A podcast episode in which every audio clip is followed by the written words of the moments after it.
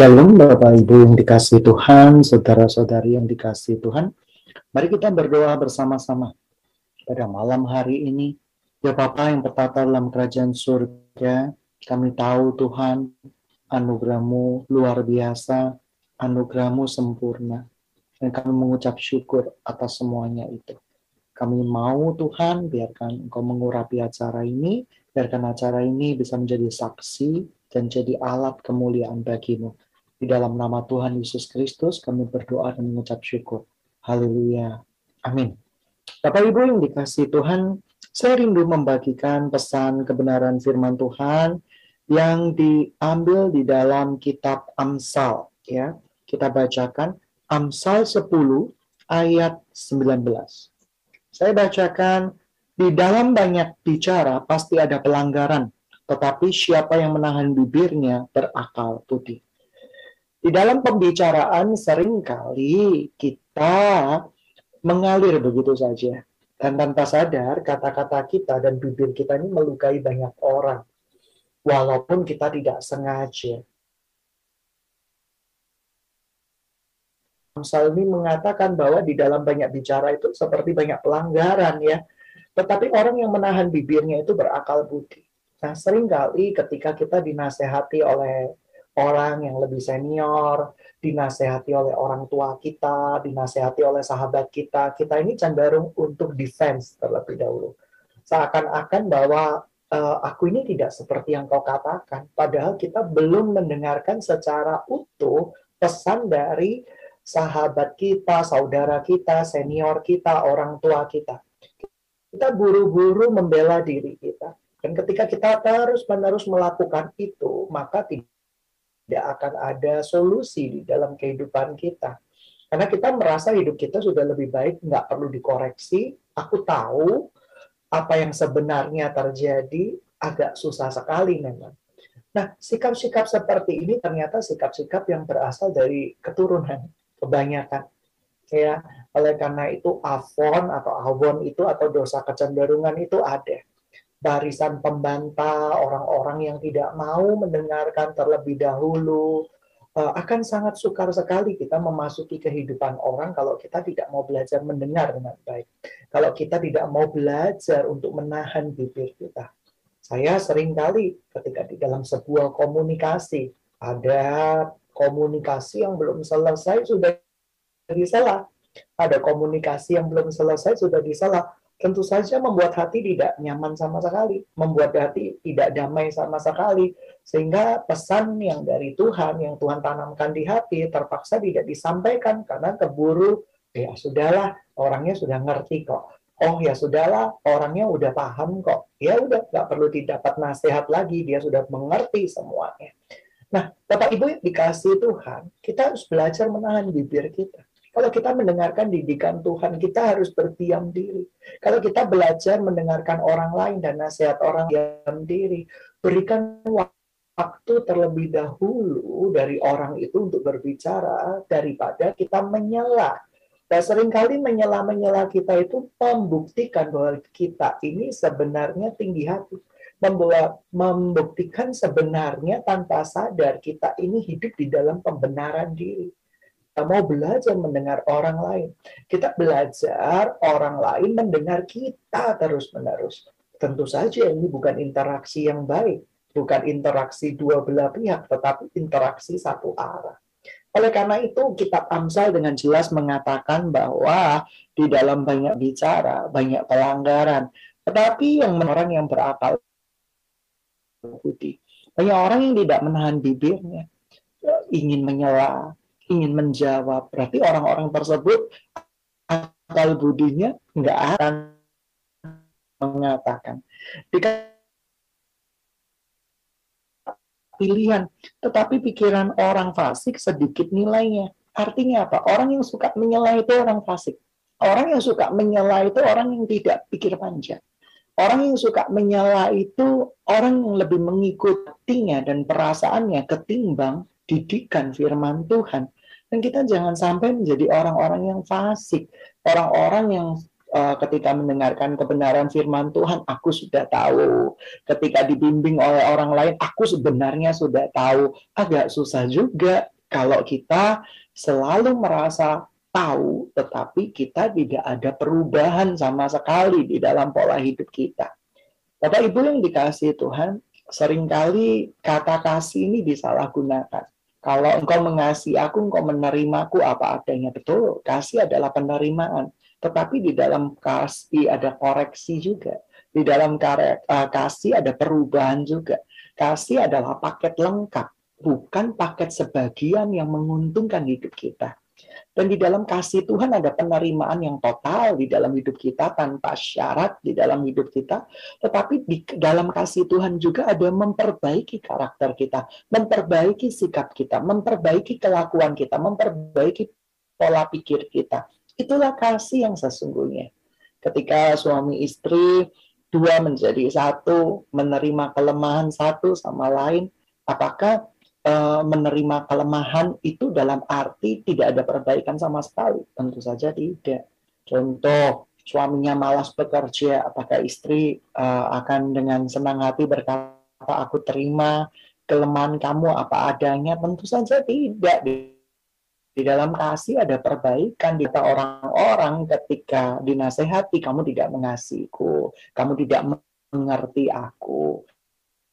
Padahal konteksnya sangat berbeda. Nah, Bapak Ibu yang dikasih Tuhan, ayat 17, Amsal 10 ayat 17 dikatakan bahwa siapa yang mengindahkan didikan menuju jalan kehidupan, tetapi siapa yang mengabaikan teguran tersesat. Banyak orang yang tidak mau ditegur oleh karena itu hidupnya tersesat sekali. Hidupnya mengikuti jalan hidup orang yang tidak benar.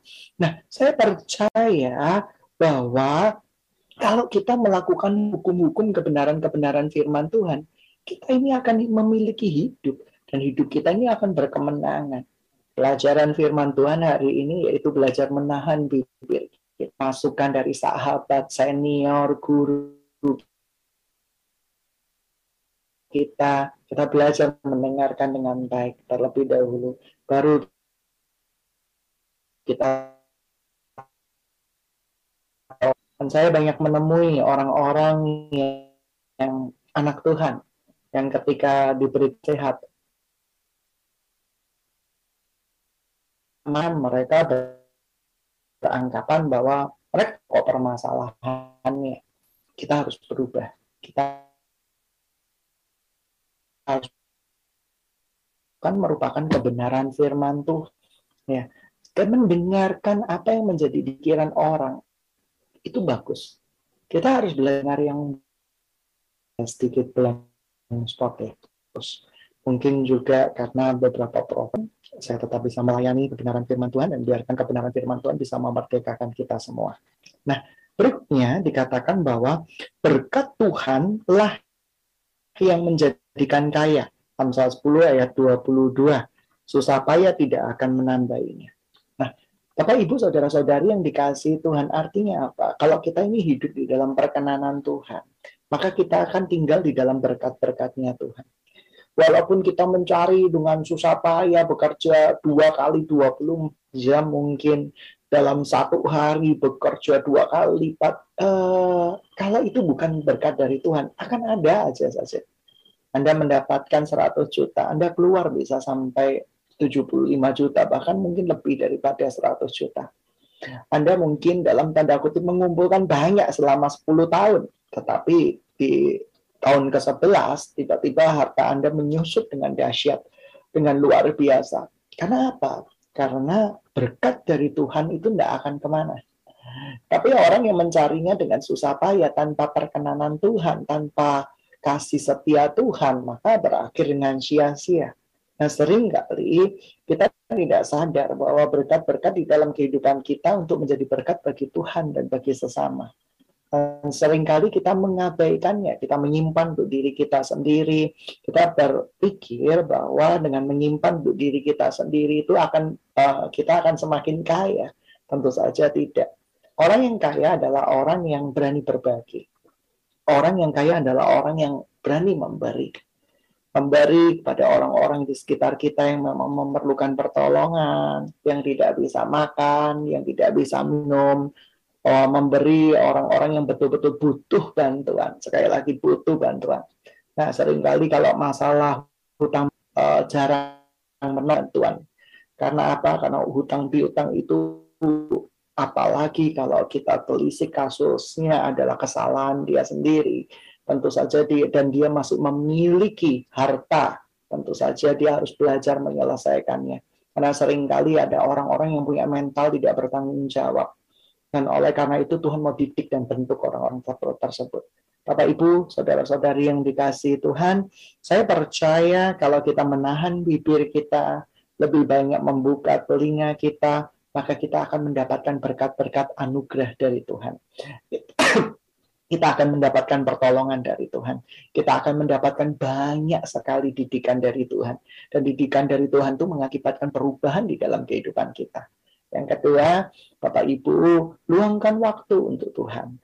Luangkan waktu untuk melayani Tuhan berkat tidak ke mana. Artinya apa? Kalau Tuhan akan memberkati kita dalam waktu kita tertidur pun berkat-berkat Tuhan dicurahkan. Tetapi kalau kita bekerja keras, bersusah ya, tetapi lebih ke arah egosentris untuk diri kita sendiri, tidak mau jadi berkat bagi Tuhan dan bagi sesama, sesungguhnya kita ini masuk di dalam sebuah kesia-siaan. Mungkin kan memiliki banyak harta, tetapi Anda tidak bisa menikmati harta-harta itu. Anda tidak berbahagia dengan harta-harta itu. Anda diperbudak oleh harta-harta itu. Tetapi orang yang tinggal di dalam Tuhan, walaupun kelihatannya hartanya tidak terlalu banyak, tetapi dia berkecukupan dan berkelimpahan dalam segala perkara. Dia menikmati makan dan bersyukur. Dia berpergian dan bersyukur. Tidak usah rumah mewah, tidak usah mobil mewah, tetapi damai sejahtera dan perkenanan Tuhan ada di dalam hidupnya itu lebih daripada cukup. Bapak Ibu, mari kita mengejar apa yang uh, tidak fana ya. Yang fana ini sementara sekali. Sebentar bisa lenyap. Sebentar gempa bumi juga bisa lenyap juga kan. Sebentar tsunami semua harta bisa lenyap. Sebentar kita investasikan di bank mungkin bank bisa tutup. Tetapi yang nggak bisa tutup adalah kasih setia Tuhan oleh karena itu, Bapak Ibu yang dikasih Tuhan, dua pelajaran penting malam hari ini, belajar mendengar, sedikit banyak berbicara, jangan menyela pembicaraan orang lain, kita belajar mendengarkan maksud dan tujuan orang lain terlebih dahulu, kita belajar menjadi pembicara yang baik dan pendengar yang baik. Yang kedua, belajar untuk meluangkan waktu dengan Tuhan. Karena apa? Percuma kita bekerja keras. Empat bekerja kelas panjang hari, tapi kalau tidak ada berkat dan perkenanan dari Tuhan, anak sakit, uh, apa ya, mungkin juga ada saja gangguan-gangguan yang terjadi di dalam kehidupan kita. Saya percaya ikut Tuhan bukan berarti semua masalah selesai, tidak. Bukan berarti kalau ikut Tuhan kita akan diberkati dan kaya raya, tidak.